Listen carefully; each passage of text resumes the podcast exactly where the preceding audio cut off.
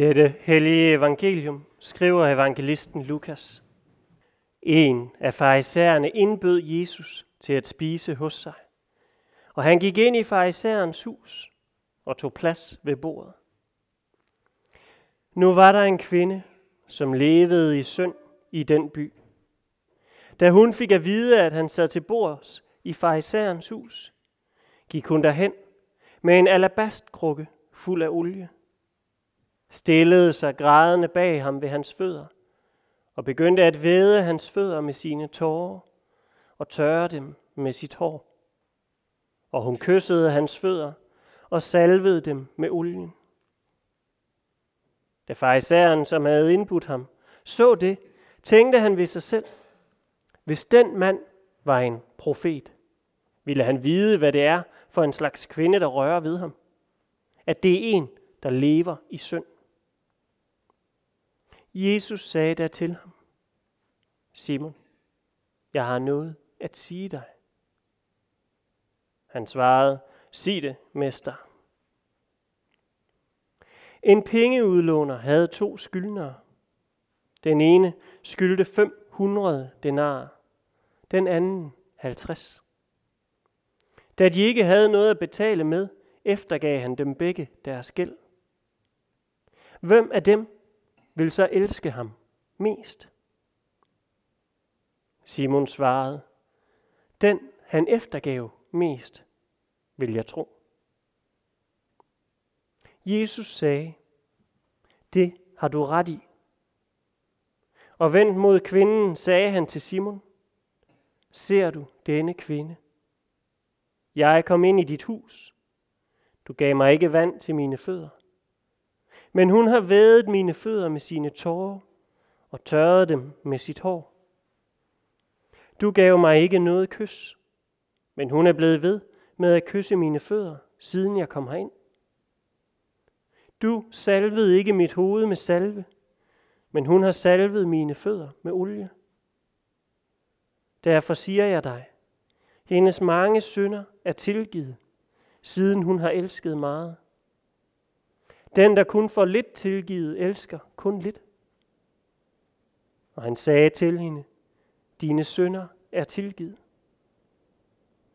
De andre ved bordet begyndte at tænke ved sig selv. Hvem er han, som endnu tilgiver sønder? Men han sagde til kvinden, din tro har frelst dig. Gå bort med fred. Værsgo så.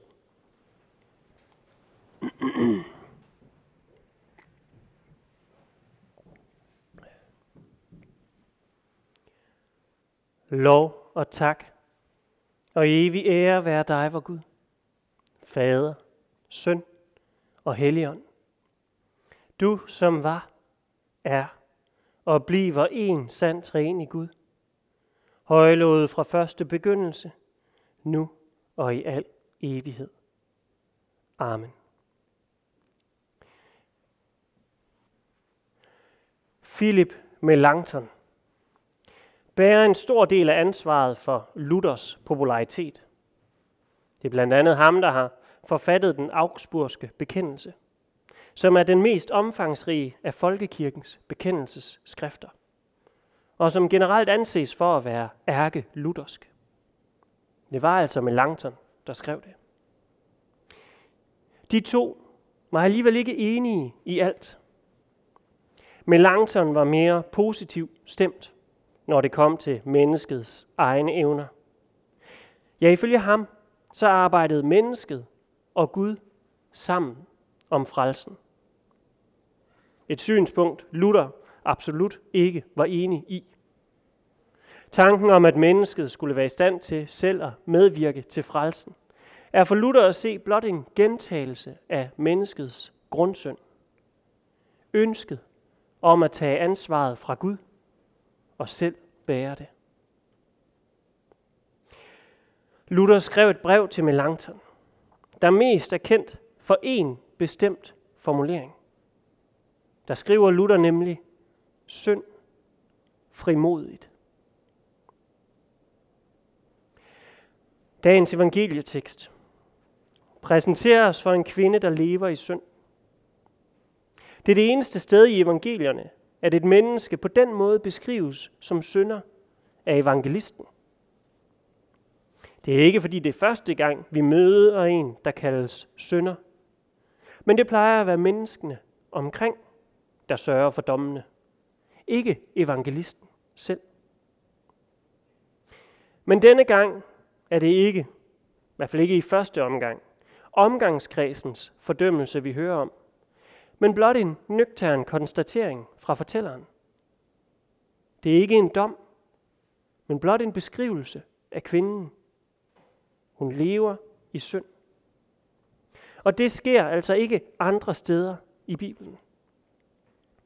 Men her er der også en helt særlig grund til det.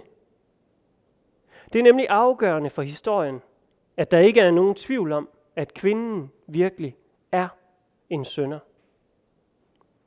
For du skal være synder, før du kan frelses. Jesus er inviteret ind i farisæerens hus.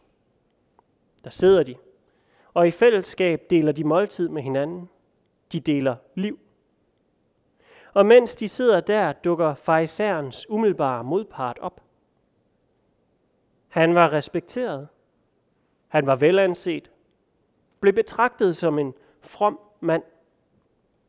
Kvinden derimod er kendt som en af den slags, man ikke skal omgås. Et udskud. En sønder. Og hun ved det. Hun ved, at hun ikke hører til. Hun ved, at hun ikke har noget at bringe ind i det fællesskab. Foran de forsamlede bryder hun sammen. Alle facader får lov at falde.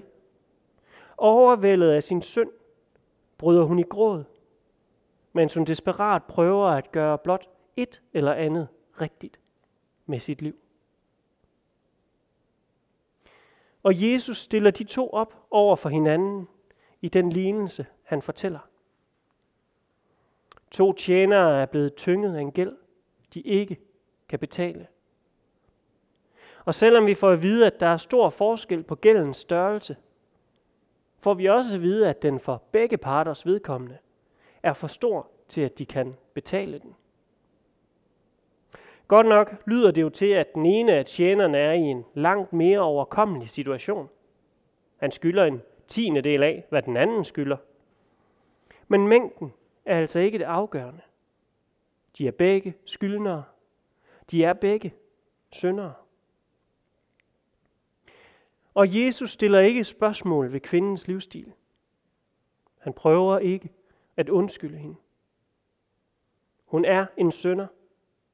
Hun er fanget i en ubetalelig gæld. Men Jesus påpeger, at selvom hun er hele byens skamplet, er hun ikke alene.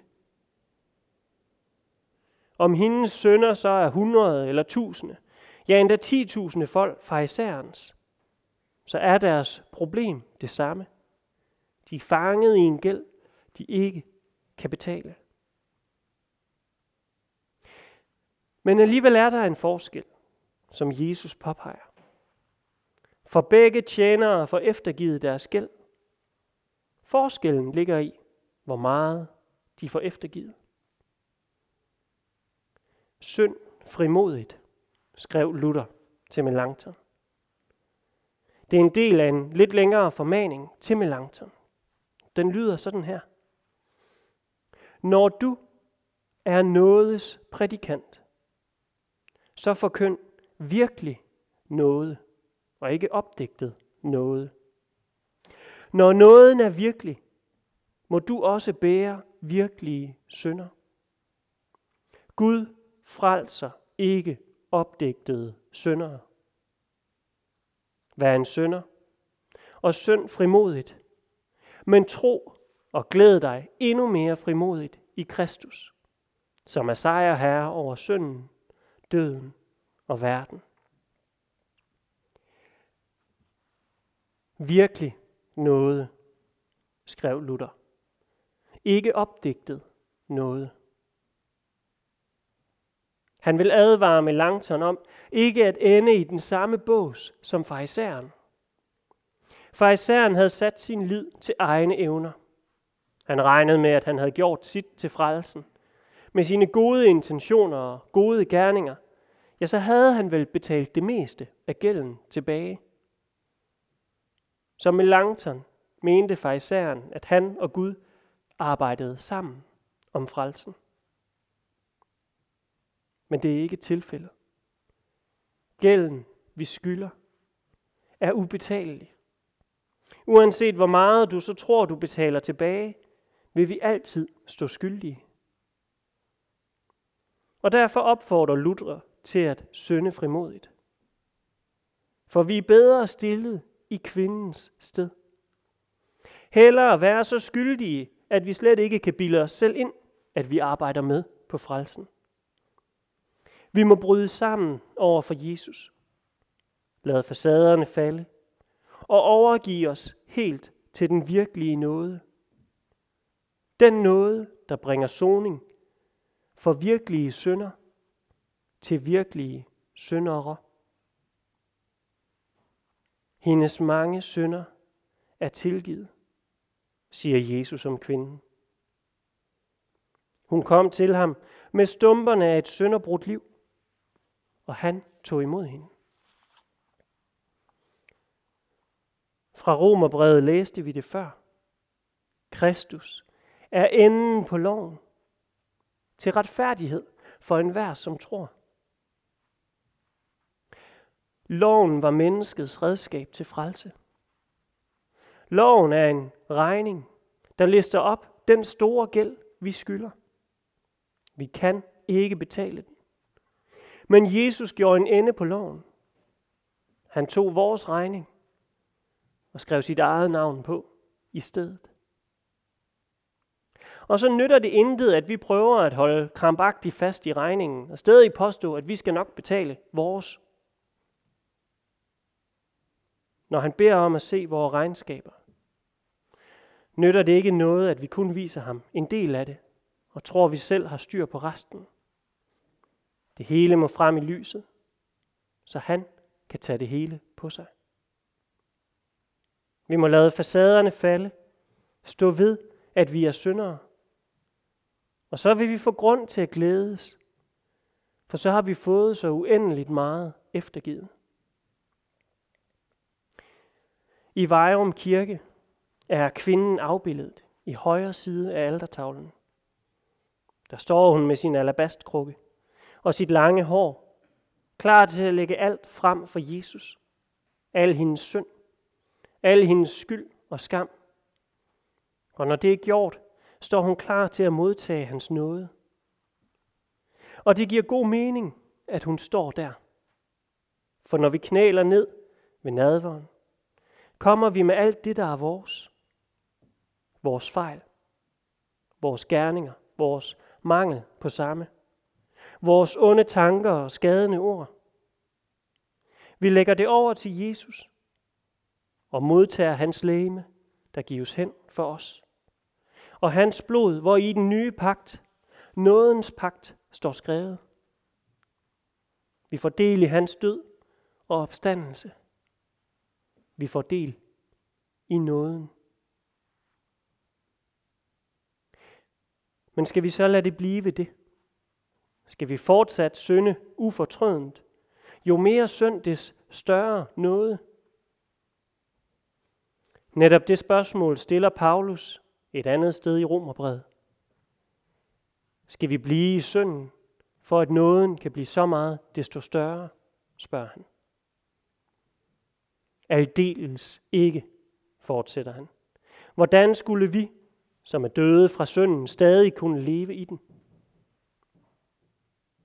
Jesus sender kvinden ud i livet igen.